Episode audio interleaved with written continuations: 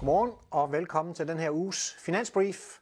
Når man kigger på øh, ugens program, så får man næsten lyst til at citere eller omskrive fra en, øh, en gammel julesang.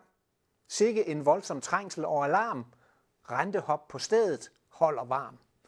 Vi skal nemlig igennem en hel masse centralbankmøder øh, på 24 timer, alle de store centralbanker, og vi skal også have en hel masse nøgletal, som skal overstås, inden det bliver jul. Men vi skal som altid jo lige kigge tilbage på sidste uges markeder og se på, hvordan, hvordan gik det egentlig med markederne i sidste uge.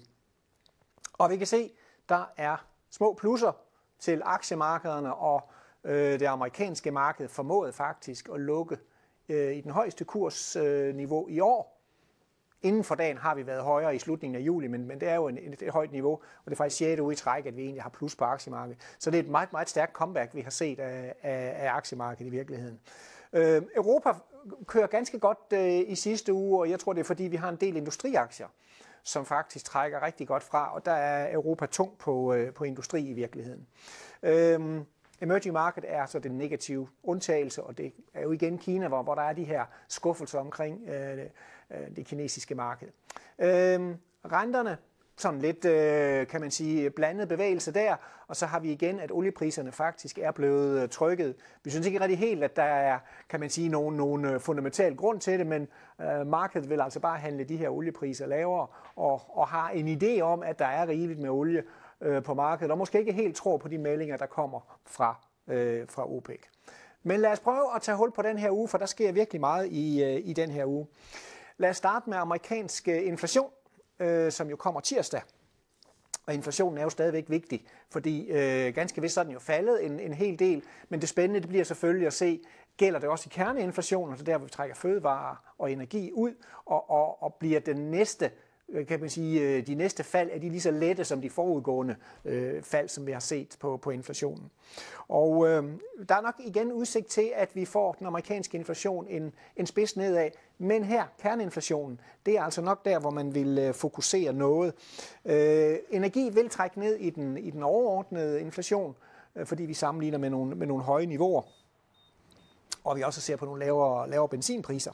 Øh, til gengæld, når vi kigger på kerneinflationen, så kommer den nok ikke til at falde så meget. Den ligger jo stadigvæk, øh, og forventningen er stadig, at vi kommer til at ligge omkring 4% på kerneinflationen. Og det er jo dobbelt så højt egentlig, som, som Feds øh, målsætning jo i virkeligheden er.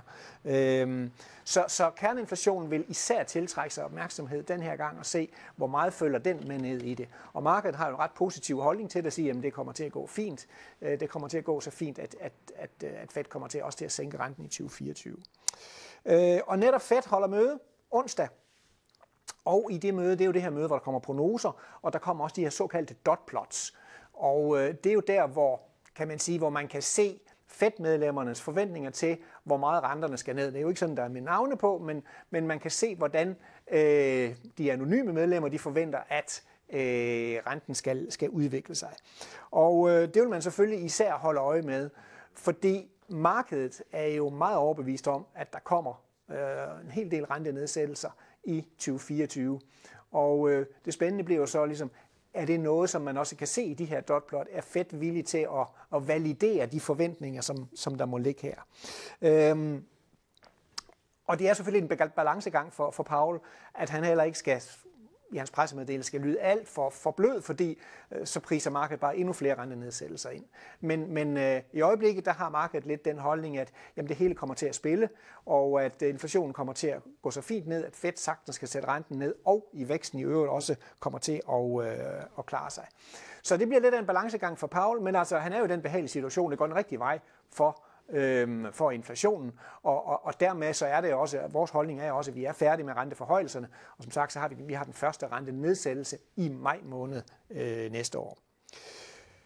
Næste store centralbank, ja, det er ECB om torsdagen, og det er også et spændende møde. Der er sket rigtig meget på ECB-fronten, kan man sige, i forhold til sidste møde fordi inflationsnyhederne har været så positive faktisk. Og inflationen er faldet hurtigere end også en ECB egentlig havde regnet med, men også hurtigere end vi havde regnet med.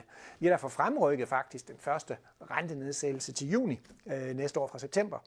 Og øh, så det betyder jo også, at ECB skal kan gå den her balancegang, hvor de ligesom skal styre, prøve at styre måske lidt markedets forventninger til, ja, vi kan godt se, at der, der er sket noget positivt på, øh, øh, på inflationen, og det gør jo i hvert fald, at, at renteforhøjelser nok er, øh, er taget af bordet, men jo heller ikke, fordi markedet har været lynhurtigt til at prise en masse rentenedsættelser i 2024. Jeg tror, de har pris omkring de her 150 basispoint. Og det er i hvert fald mere, end hvad vi har, og det er måske også mere, end hvad ECB er, er villig til at tage, fordi vi skal jo huske på, at de skal jo ned mod deres, øh, deres, deres målsætning. Så det bliver interessant at se, hvad kommer ECB til at sige, og i deres prognoser, ECB kommer også med prognoser, hvor meget sænker de deres inflationsprognoser. Det er det, der kommer til at være i, øh, i fokus på ECB-mødet øh, torsdag.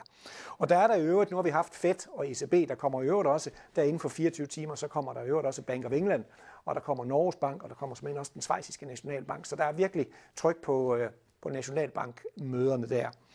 Øhm, Torsdag har vi også det amerikanske detailsalg, som man regner med, der kommer til at holde skansen. Vi skal måske også lige nævne, fredag morgen har vi de kinesiske øh, nøgletal for detailsalg og industriproduktion.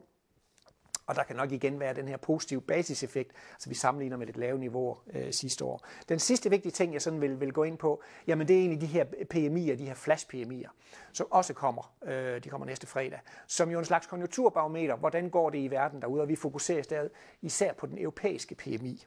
Og vi forventer nogenlunde uændret PMI-niveau her. Vi ligger jo under 50, og det er jo egentlig tilbagegangsniveauet, men, men øh, det ser måske ud som om, det er begyndt at, øh, at stabilisere sig lidt, men det er virkelig den første måling, og det er jo en måling for december, spørgeskemaundersøgelser, hvordan er så at sige, øh, temperaturen i økonomien lige nu, hvordan ser virksomhederne på, øh, på den her øh, temperatur i økonomien.